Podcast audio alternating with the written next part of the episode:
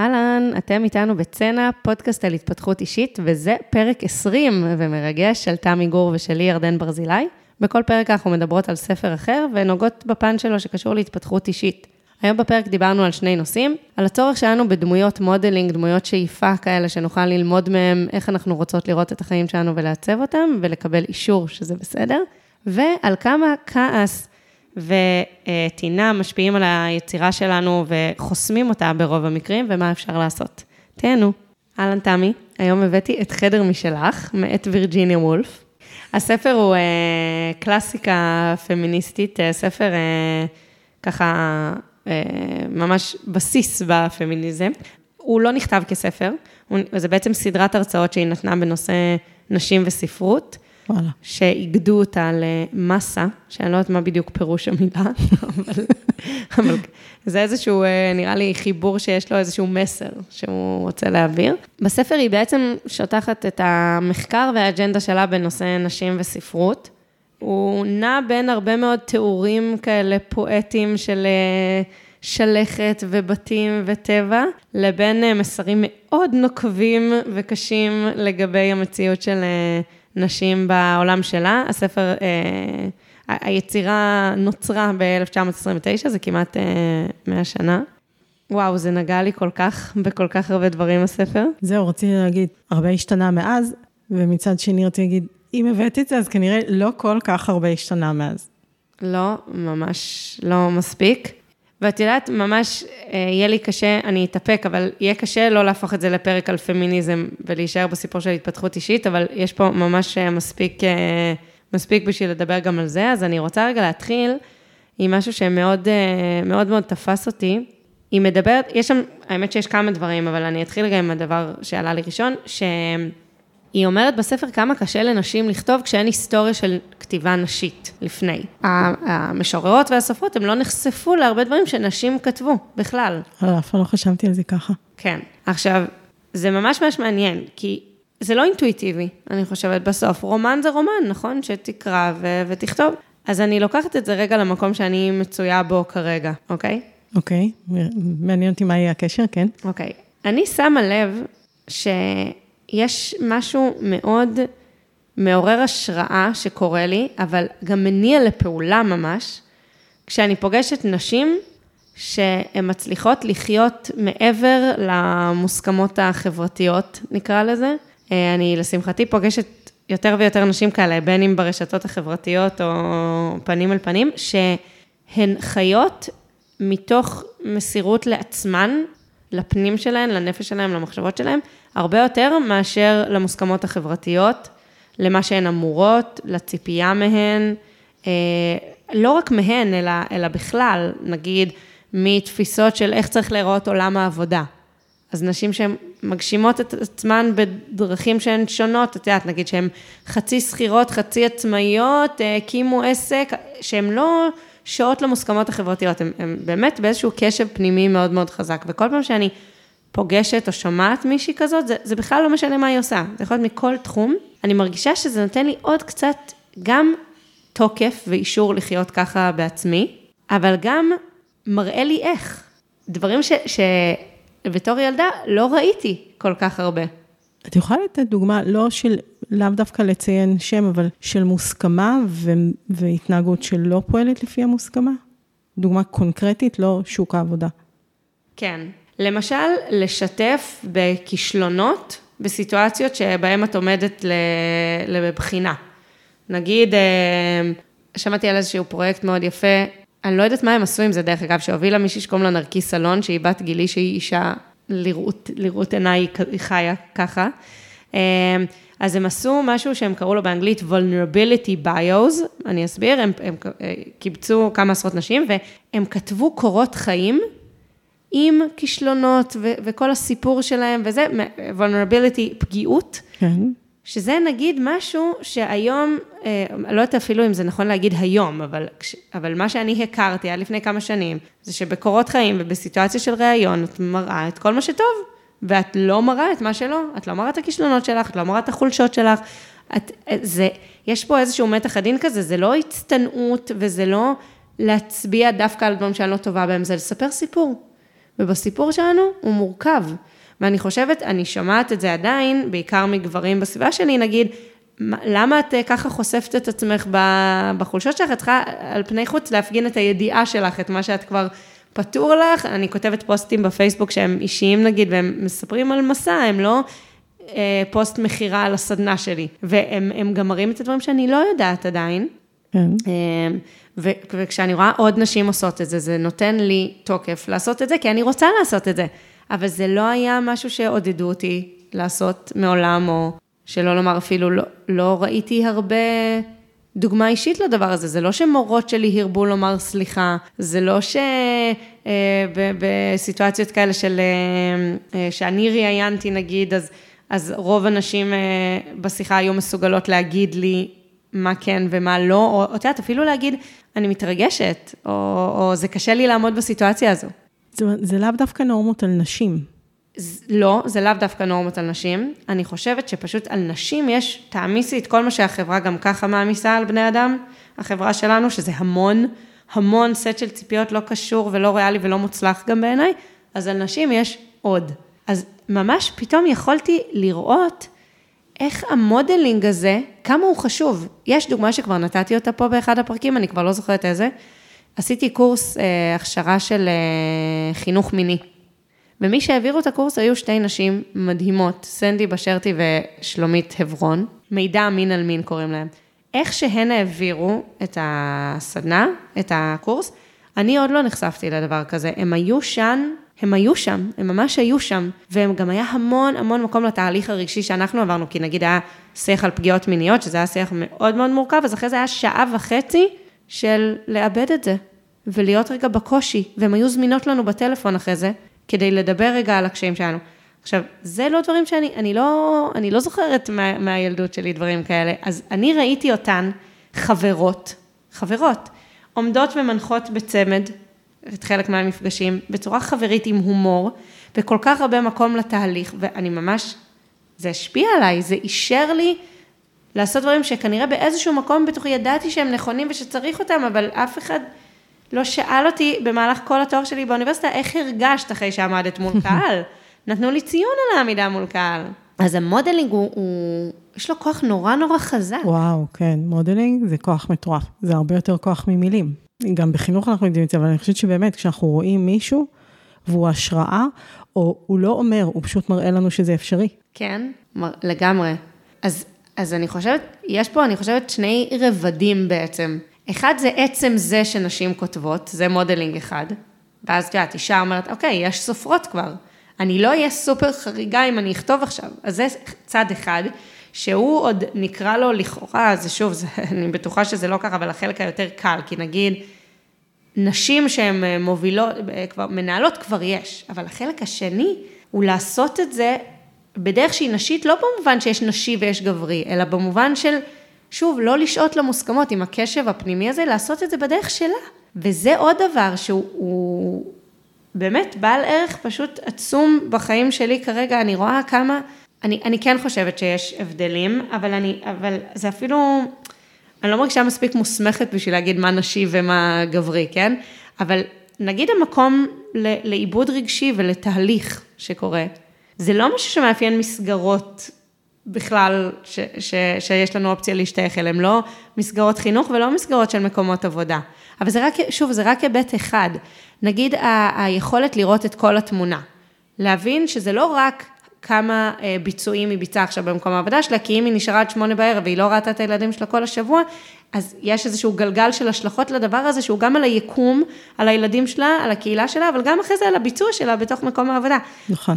אז אז שוב, אני, אני נזהרת פה, אני נזהרת מלהגיד שזה נשי וזה גברי, אבל בואי נגיד, זה מציע אלטרנטיבה למה שקיים כרגע, שבעיניי היא גם יותר נכונה. אז זה רק, זה גם עצם הקיום, נגיד לצורך, נחזור לדוגמה של וירג'יניה וולף, עצם הקיום של נשים סופרות, אבל הדבר השני זה איך נשים כותבות. וזה משהו שגם לא היה למודלינג, היה כתיבה של גברים. כשגברים כתבו על נשים, והם כתבו המון על נשים, הם כתבו באופן מסוים. גברי. כן. מנקודת מבט גברי, כן. היא נותנת מאפיינים לכתיבה נשית שתפסו אותך? לא... כן, יש שם משהו אחד שממש ממש תפס אותי, ממש. Uh, היא מספרת שהיא קראה איזה ספר, והיא עושה לו מין דיאגנוזה כזאת, היא, היא מפרקת אותו והיא בודקת וממש מסתכלת הכל, והיא אומרת, ופתאום היו שתי נשים חברות, פשוט שתי נשים שהן חברות. היה מקום לדמות שלהן שלא ביחס לגבר. אז היא אומרת, את זה נגיד כמאפיין, חברות בין נשים, זה, שזה לא היה כמעט בספרות, אם בכלל. ואם זה היה, זה היה רק המשרתות שמשרתות את הגבר, אז יכולה להיות איזושהי מערכת יחסים כלשהי. אז נגיד מאפיין כזה, היא, היא לא עושה לזה מטה, היא לא אומרת אה, בכל הספרים שנכתבים על ידי נשים יש אפיון של מערכת יחסים בין נשים. אבל זה נגיד, את יודעת, זה, זה עולם ומלואו מבחינתי, לס... איפה הדגש? מה חשוב? זה גם ממש מתחבר עם, אה, עם דברים שדיברנו עליהם מבחינת אה, נקודות העיוורון שלנו, שגבר לא יכול לדעת על מה הוא בכלל לא כותב על העולם הנשי. אה, ואז המודלינג פה זה גם לעצם זה שאת יכולה לכתוב, גם אני משערת שבתקופות מסוימות אפילו עצם זה שדברי נשים יצאו לפומבי, וגם באמת הנושאים. לא רק הדמויות, אפילו הנושאים שמעסיקים, שזה פתאום לגיטימי לדבר על, סתם, אפילו על להיות עקרת בית, או על יחסים עם החברות, או על חוויית האימהות, שזה לא משהו שגבר היה יכול לכתוב עליו. אז אה, באמת המודלינג נותן אה, המון דברים. אני אגיד גם שאת אה, ככה זהירה מלהתייחס לגברים, אני לאחרונה חושבת שהרבה מהדברים שאנחנו עושות כאילו לשנות לנשים, ישחררו גברים גם מדברים. אני חושבת שיש הרבה דברים שהם הבניה אה, חברתית אה, כופה על גברים, שפשוט בגלל שכאילו הם הדיפולט, אז אנחנו רגילים לחשוב שזה מאפיין גברים. אנחנו היום יודעים להגיד, זה לאו דווקא מאפיין נשים, אבל פתאום אני אומרת, זה גם לא בהכרח מאפיין גברים. וכשאנחנו נביא כתיבה אחרת, ניהול אחר, חברות אחרת, עיבוד אחר, יכול להיות שזה גם אותם ישחרר מהרבה דברים. אני, אני בטוחה, אני בטוחה, אני ממש מסכימה איתך, עלו לי שני דברים בזמן שדיברת. אחד זה שאני מבינה שזה מקל לחשוב בתבניות, אבל למה בכלל? כאילו, בסוף, אני חושבת שהמקום הכי טוב יהיה כשכל אחד לצורך ההקבלה פה יוכל לכתוב, וכל אחד תוכל לכתוב את מה שהם רוצים לכתוב. וזה לא יהיה ככה כי הוא גבר או ככה כי אישה, זה כבר מתחבר לי פשוט לנושא הבא, אז אני רגע שמה את הסיפור okay. אוקיי. הזה בצד. והיא כן אומרת פה על הדירוג של נושאים, כאילו זה ספר המלחמה הוא ספר חשוב, כי מלחמה זה נושא גברי. זה ספר על אופנה, הוא פחות חשוב, כי זה נושא נשי. אז, אז במובן הזה, זה, זה שוב ממש מתחבר למה שאמרת, כי קודם כל, אני בטוחה שלא כל הגברים רוצים מלחמה. לא, אני חושבת שכן יש עניין הורמונלי עם טסטוסטרון וזה, מה זה חושבת? אני, אני יודעת את זה, אני שמעתי מישהי חכמה מאוד מרצה על הנושא הזה, דוקטור ליאת יקיר, תחפשו הרצאות שלה. אבל זה באמת, זה גם נושאים, זה גם אופן הכתיבה. השאלה הזאת, כמה אני חושבת, וזה עדיין, אני תופסת את זה כגברי ונשי, ואני לגמרי מוכנה להתבדות סביב זה, אבל כמה נקודת הסיום היא החשובה, וכמה התהליך הוא חשוב. ש, ואני חושבת שהיא מדברת על זה ש, שאצל נשים יש הדגשה יותר של, ה, של הדברים שהכאילו לא חשובים, היום-יום. אבל זה החיים. אני, אני ממש, ואני את זה, את הדבר הזה ספציפית, אני מרגישה על בשרי. כמה אני שומעת קולות הרבה יותר מנשים שנותנים לי לגיטימציה למקום הזה של החיים הם, הם עכשיו, הם בכל שיחה בינינו, הם לא רק כשנגיע למיליון, או כשנעשה את האקזיט, או כשנהפוך להיות אה, אה, חברת ענק בארצות הברית, או שנקבל הכרה, או ש... לא, זה עכשיו. עכשיו, הדברים ש, שקרו לי במהלך היום הם חשובים, הדרך היא חשובה. אגב, ממיכל, שאני עובדת אצלה, אני לומדת המון על הדבר הזה, המון, כי היא מאוד משקיעה בדרך שהדברים נעשים, זה, וזה, שוב, כל דבר כזה, כל modeling כזה, הוא, הוא משפר לי את החיים, כי הוא נותן לי אפשרות, קודם כל לראות דברים שלא ראיתי. אגב, לא רק גברים לא רואים, דברים שלא יכולתי לראות, כי הייתי כל כך חזק בתוך ההבניות החברתיות, ולהתנסות בדבר הזה, ואז באופן עקיף זה גם מחבר, זה נותן לי לגיטימציה להקשיב לקול הפנימי שלי, שהוא יכול להיות זהה או שונה, אבל אם הן יכולות להקשיב לקול הפנימי שלהן ו-to act upon it, אז אני גם. עולה, עולה לי בראש, ה... תוך כדי שדיברת, פתאום כזה, חשבתי לעצמי, קחי את התמונה הכי אה, שמרנית מיושנת של הגבר שבא הביתה, והאישה מביאה לו את נעלי הבית, ומביאה לו ישר משהו לאכול וזה, ואני אומרת, תראי, אפילו זה, זה בעצם הדברים הקטנים היומיומיים שהגבר צריך, וזה מה שעושה לו טוב. מבינה מה, מה, לאן אני הולכת עם הדוגמה הזאת לפי הפרצוף שלך? לא, סורי, לא, לא, לא ירדתי לסוף דעתך. לא, ש, מה שזה... זה נ- הגבר צריך? נעלי בית? אנחנו, כאילו אנשים, אה, ושוב, סליחה שאנחנו מדברות בסטריאוטיפים והכללות, אבל כאילו אנשים, אנחנו הרבה יותר מודעות באמת לזה שהפרטים הקטנים של היום-יום הם בסוף משליכים, הם משפיעים, הם בונים, הם בונים את הביחד, הם בונים את הרווחה הנפשית, הם בונים את תחושת המסוגלות, הם בונים אפילו את המסוגלות עצמה, אוקיי, הם בונים אלף דברים. ואני אומרת, הנה, אפילו הגבר שכאילו לא מתעסק בזוטות הקטנות האלה, בסוף התמונה המאוד אה, שמרנית, אה, שוביניסטית הזו, מה בעצם האישה שם עושה? נותנת לו מענה לצרכים הקטנים היומיומיים האלה, שלה, שאני אבוא ומישהו יפנק אותי, ואני אחליף לנעל נוחה, ואני אקבל את האוכל שלי, והוא יהיה לי טעים. אה. וזה כאילו, הם לא אוהבים להתעסק בזוטות האלה, אבל תראי כמה הם צריכים בעצמם את הזוטות אה, אז האלה. תקשיבי מה אני לומדת מזה. מעניין. כי בעצם מה שאני לומדת מזה זה שהם לא, שוב, אנחנו אה, קצת נופלות פה בהכללות וזה, אבל בתמונה הזאת שאת מתארת, הוא לא צריך לדאוג לזה, כי מישהו דואג לזה. נכון, אבל בדיוק. זה לא שהוא לא מעוניין בזה, הוא פשוט לא צריך לפנות זמן מחשבה לזה. בדיוק. אוקיי, אז הדבר השני שהוא הוא מתחבר לזה מאוד, אבל הוא איזושהי פרספקטיבה אחרת על זה, שממש ממש עניין אותי גם. היא אומרת, בהתחלה, זה, היא לא מתארת את זה בדיוק כרונולוגית, אבל היא מנסה מאוד בחדות, בקריאה שלה את הספרים של נשים שהיא קוראת, לזהות האם היא שומעת כעס. והיא אומרת שהכעס צובע את כל היצירה, ואז הוא לא טוב. אני אסביר.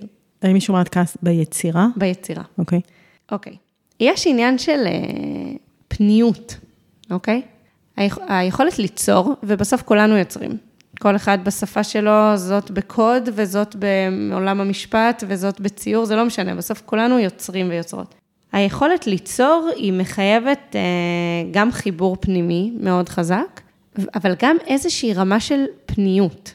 עכשיו, מה, מה הכוונה? היא אומרת שהיא מצליחה לשמוע מתי היצירה היא נשית והיא היא נובעת, ומתי היא לעומתית. מתי היא עדיין יצירה שמתנגדת למציאות הקיימת ו, ונותנת קונטרה. אני, אני אנסה רגע להקביל את זה דווקא מעולם אחר לגמרי. בהורות, לפעמים אנחנו תופסים נישות. כאילו, אם נגיד אני מאוד אה, מתירנית, אז נדב יכול לתפוס את הנישה של המאוד קפדן, ואנחנו נתקבע בנישות האלה. עכשיו, אני לא בהכרח רוצה כל כך הרבה חופש לילדים, אבל אני מרגישה שהוא מאוד קפדן, אז אני צריכה לתת קונטרה. ואז היא אומרת, אם היא מרגישה בכתיבה שהכותבת עוד חשה את חוסר השוויון, חשה את החוסר לגיטימציה שלה מהעולם לכתוב, את החוסר עידוד שלה לכתוב, את זה שהנושאים שהיא מתעסקת בהם לא חשובים, אם היא מרגישה שה... יוצרת מנסה להדוף את הדברים האלה בכתיבה שלה, או במובן שהיא מתחנפת עדיין לזה, או במובן שהיא כועסת על זה, אז היא משמיעה איזושהי קונטרה, אז היצירה היא לא, היא לא משתמשת במילה הזאת, אבל היא לא מזוקקת, היא לא נקייה, וזה פחות טוב. עכשיו, זה ממש מטורף בעיניי, זה ממש מתחבר לי, את עוד לא יורדת לסוף דעתי? לא, אני יורדת לסוף דעתך, אני פשוט כאילו מנסה להבין, אבל חלק מהיצירות הן בדיוק מדברות על הכאב הזה, אז זה לגיטימי אם הדיבור הוא באמת מתוך הכאב ולא מתוך הקונטרה, כן. כאילו? אם הדברים הם על השולחן, זה ממש, רגע, זה מתחבר לי למלא דברים שאנחנו מדברות עליהם. זה מתחבר לי ליכולת, למשל, לדבר על מה אני מרגישה, ולא על מה עשו לי, בתוך, בתוך מערכת יחסים. אם אני באה אלייך עם הכעס וההאשמה, זה לא אותו דבר כמו להגיד לך, פגעת בי. פגעת בי, סבבה, תגידי את זה. אבל אחרת יכול לצאת לי passive aggressive, ושאני אהיה נחמדה אלייך בזיוף, או שאני אהיה ממש כועסת ולא נחמדה אלייך, ומה שזה לא יהיה, זה תוקע את, השיחה בינינו כרגע, וזה לא הולך לכיוונים חיוביים. אז היא, אותו דבר היא מדברת על היצירה. עכשיו, אני חושבת שבהקשר המגדרי זה מרתק. מרתק, מרתק להסתכל איזה עשייה, אני מסתכלת על עצמי, אוקיי? נובעת מתוך כעס, ומתי היא נובעת מקשב חזק מאוד פנימה.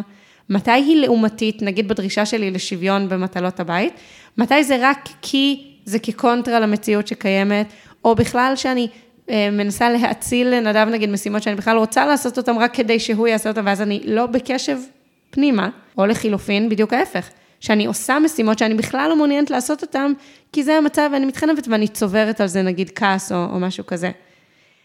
אני ממש מרגישה שהדבר הזה, היכולת לנקות את השכבות האלה, את הלעומתיות, את ההתחנפות, את הכעס, ולהתחבר לאיזשהו משהו אמיתי כזה, שלפעמים הוא פגוע או כועס. זה לא אומר שאין בו כעס, אבל אבל אז אני אגיד, זה מכעיס אותי, החוסר צדק. מכעיס אותי חוסר השוויון, ולא, למה לא שטפת את הכלים? להבדיל.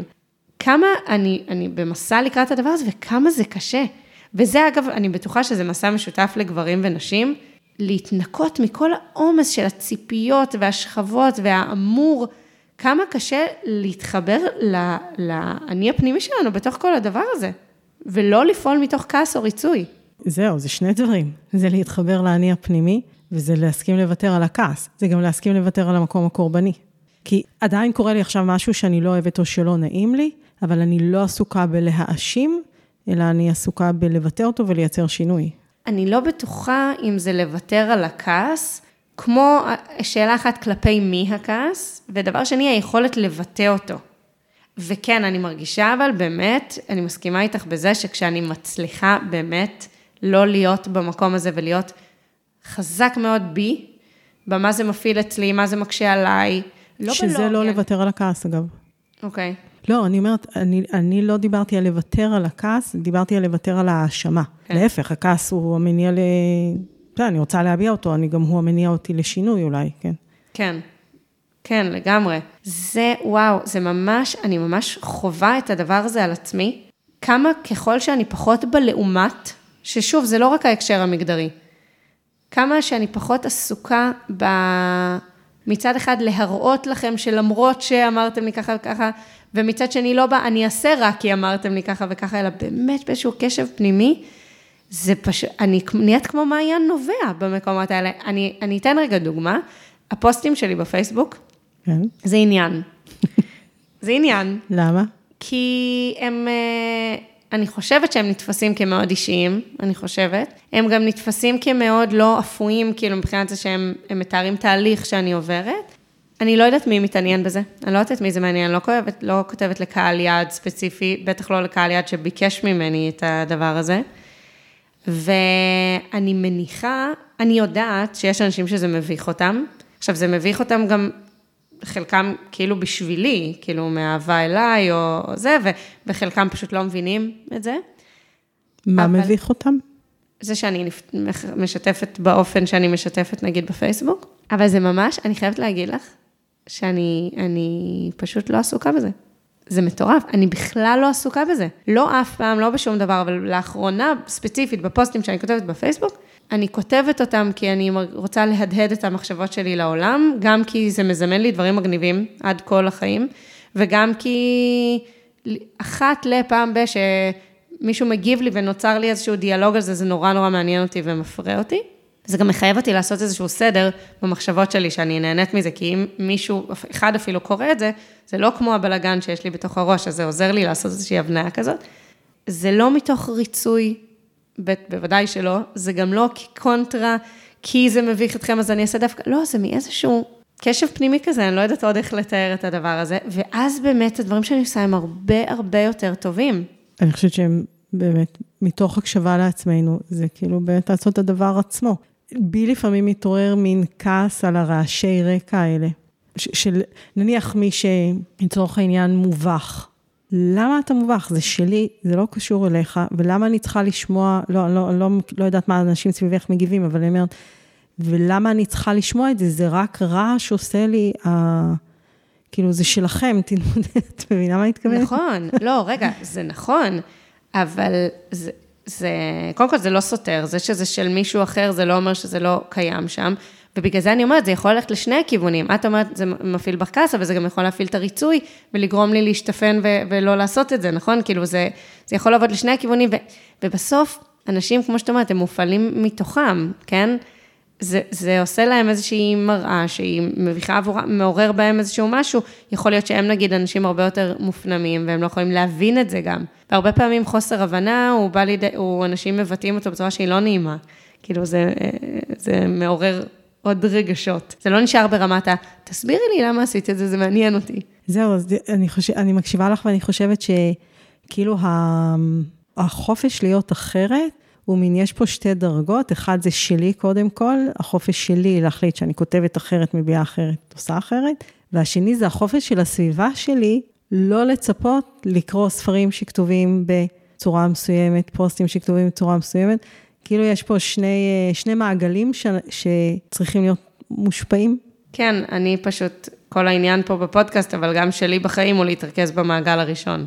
לא, אבל יאפשר... את פעם במעגל הראשון ופעם את במעגל השני. הבנתי, אוקיי. את מבינה? זאת אומרת, גם כשאת תקראי משהו, נכון. שזה לא בנורמה שאת רגילה, האם את מופעלת לך איזושהי שיפוטיות? את יודעת מה? כן, יפה.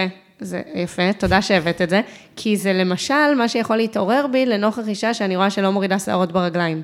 אוקיי. Okay. האי נוחות שזה מעורר בי. ואגב, אני סופר מודעת לזה בזמן האחרון, יותר ויותר, והרבה פחות מופעלת מזה, והרבה יותר שמחה בחופש של כל אדם לבחור את מה שטוב לו ולה. ואני חושבת שעדיין יש בי את ההבנה שזה לאור המציאות שאנחנו חיות בה. יש דברים שהמחיר שלהם הוא מאוד מאוד כבד, ואז עם כל הכבוד לחיבור פנימה, יש דברים שגם אני, אבל גם אני מכאן של סביב, בחרו לא לעשות. אבל כחברה, אם אני שואפת ללכת למקום מתוקן יותר, אז זה מקום שבו קשב פנימי הוא הדבר המרכזי שמניע אנשים, ונורמות מקבלות מקום הרבה פחות חשוב, בוודאי נורמות מגבילות. אמ, אני חושבת שגבולות זה דבר חשוב. אני לא נגד אה, זה שהחברה תציב גבולות, אבל לא במקומות האלה. זאת אומרת, אם אני מסתכלת, אני, את יודעת שאני אוהבת אה, לפתח את המחשבות שלי לאיזה שהם, אה, לסדר אותם, אז, אז לאחרונה הבנתי שיש שלושה דברים שאני שואפת אליהם שיהיה לי ולכל מי שסביבי. אחד זה המחשבה שאני טובה כמו שאני, השני זה המחשבה שאני יודעת מה טוב, והשלישי זה שאני מסוגלת לטוב. וזה מה שהייתי רוצה, יהיו הדברים המרכזיים שמניעים אנשים אה, לעשות את, ה, את הבחירות שלהם. כי נגיד, אה, כל מה שקשור נגיד לקוסמטיקה ב, ב, בעולם שלנו, הוא מאוד מתחבר ל, אני לא טובה כמו שאני, אני לא מספיק טובה כמו שאני. ואז אם מישהי יש לה יותר הרגשה שהיא טובה כמו שהיא, והיא מוכנה לשלם את המחירים החברתיים, מדהים, אני רק אמורה לשמוח בזה, אין סיבה שאני לא אשמח בזה. להפך, זה עוד מישהי שטיפה נותנת לי את האפשרות אולי להרגיש שאני יודעת מה טוב, דרך אגב, ומה לא, כמו נגיד הרבה מאוד דברים בתעשיית הקוסמטיקה, ושאני טובה כמו שאני. אני מאוד מתחברת למה שאת אומרת. בא לך שנאתגר את זה? בבקשה. אני אומרת שוב, אני מאוד מאוד מתחברת לזה, ו... ואני גם חושבת שאנחנו, החברה די הולכת לשם יותר ויותר. אני תמיד אה, עוסקת ב... עולה לי ישר השאלה, איפה הגבול ואיפה זה פוגש אחד את השני, לצורך העניין, אוקיי? נניח שאני מגיעה, לא משנה כרגע אם זה למשרד, או למפגש חברתי, או למה שזה לא יהיה, ואני באה עם מה שמתאים לי, אוקיי? אה, זה אה, זה יכול להיות בקוסמטיקה, איך שאני נראית או מריחה. אה, בתזונה, מה אני חושבת שעושים במסיבה, או איך אני פונה לקולגות בעבודה, ועכשיו זה יפגוש את המתאים לי של מישהו אחר, שהוא מאוד הפוך מזה, וקשה לו עם הנוכחות הזו שלי. אז אני, אני חושבת, זה שני דברים, אוקיי? אחד זה שתמיד יהיו התנגשויות, ואני מצפה מעצמי וממי שסביבי לתכלל את הסיטואציה, ואו להיות בשיח, במידה שזה אפשרי, או באמת לחשוב על פתרונות שהם הולמים, אבל יש המון התנגשויות בעיניי, המון שהן נמנעות, ואני מודה, אני לא מבינה אותן אפילו בכזאת רמה, וזה קצת נשמע יפה נפש ותמים, אז אני לא כל כך מביאה את זה הרבה לפה. אבל אני יכולה להבין למה לראות מישהי אה, שלא נוהגת לפי המוסכמות החברתיות, אמרת ריח, לא יודעת, לא שמה דאודורנט אה, עם אה, כל מיני רכיבים לא טבעיים שאנחנו שמים ויש לה ריח אחר, למה זה מעורר בי משהו. את זה אני יכולה להבין. זה מעורר לי איזושהי התנגשות עם נורמות שלי, עם דברים שאני רגילה. אני לא מבינה לא, למה... לא, רגע, אולי זה מעורר לך, הריח עושה לך פיזית בחילה. אל תלכי לנורמות. רגע, חכי, תני לי אז שנייה עם הנורמות, ואז okay. אוקיי. נדבר על הדברים האלה. אמ, אבל אני לא מבינה למה כל המלחמות בעולם הן סובבות סביב דברים כאלה. כי יש מלחמות על משאבים, אוקיי? אבל אה, יש, אה, הפיגוע בדולפינריום הוא לא מלחמה על משאבים, וזו דוגמה אחת ממיליון פשעי שנאה וזה. זה דברים שאני קטונתי, אני לא מבינה את זה. זאת אומרת, בן אדם, משהו, אתה רואה מישהו אחר וזה מעורר בך משהו, סבבה, תרגיש כל קשת הרגשות לגיטימית. בין זה לבין פעולות שהן פוגעניות, אלימות, אה, אה, לא יודעת, איפה, איפה, להגדיר לנשים איפה מותר להם לשבת באוטובוס, כל מיני דברים כאלה, אני מודה, זה, אני מתקשה מאוד להבין את זה, מאוד. למעט שימור כוח. זה דבר שאני יכולה להבין אותו. מה זאת אומרת? כאילו, זה דרך לשמר כוח, אז, אז במובן הזה mm. אני לא שמחה מזה, אבל אני, אני יכולה להבין. אבל הנה, אני אתן רגע דוגמה, יש איזה עמוד פמיניסטי שאני עוקבת אחריו, שאני מאוד מאוד אוהבת את מי שמפעילה אותו בפייסבוק, והיא העלתה תמונה של מישהי עם שיער גוף גם על הבטן. אה, והיא היא העלתה את זה בזכותה של מי שהעלתה את התמונה הזאת. את יודעת, לחיות, לדאוג לגוף, כאילו לעשות מה שהיא רוצה עם החיים שלה והגוף שלה. וואו, זה עורר, וואו, וואו, וואו, איזה תגובות קשות מנשים היו שם, זה אני לא מבינה. בזה אני לגמרי איתך, אין לי, אין לי, את זה אין לי איך לאתגר, אני לגמרי איתך.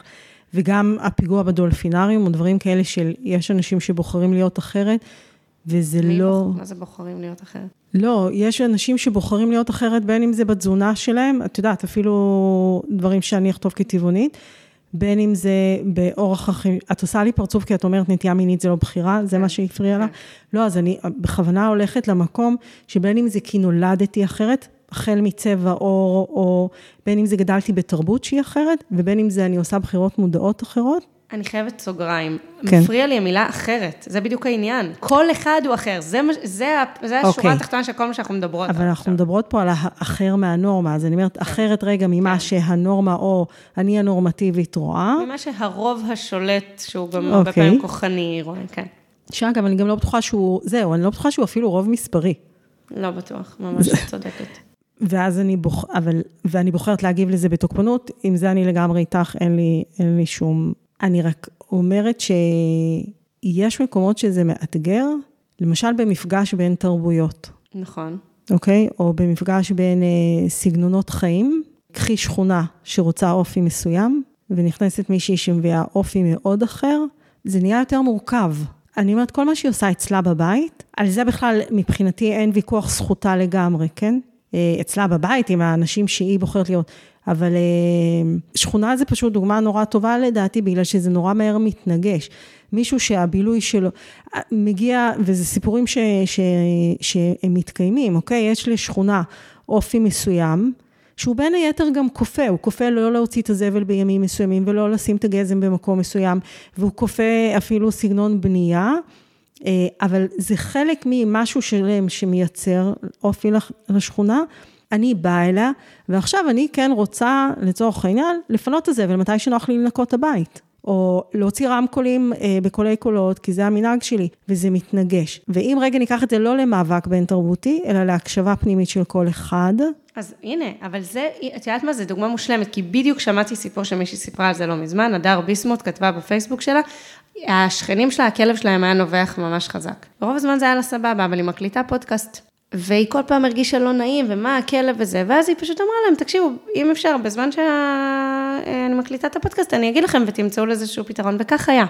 אני חושבת שהרבה פעמים כשאנחנו מחוברים באמת לפנים שלנו, באמת, לא לאנטי, לא לדווקא, לא לזה שונה ממני וזה תרבות אחרת וקשה לי לקבל את זה, אלא באמת, זה מפריע לי.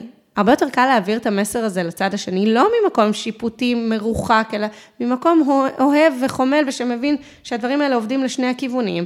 וכן, יכול להיות שאם השכנים שלי יש להם ילדים קטנים, אז אני באמצע שבוע אחליש יותר את המוזיקה, אפילו שזה קצת פחות נוח לי, כי זה באמת המשמעות של חיים בחברה. אני פשוט חושבת שיש כל כך הרבה ערימות, ערימות, ערימות ושכבות של התנגדויות ודברים שמתעוררים בנו שהם לא הדבר הזך הזה, שהוא באמת היכולת שלנו להציב את הגבול שלנו, להגיד זה חוצה לי את הגבול, זה מאוד לא נוח לי, זה מאוד מציק לי, זה מאוד לא נעים לי, ולא עסוקים בשיפוטיות על הצד השני וההתנהגות שלו.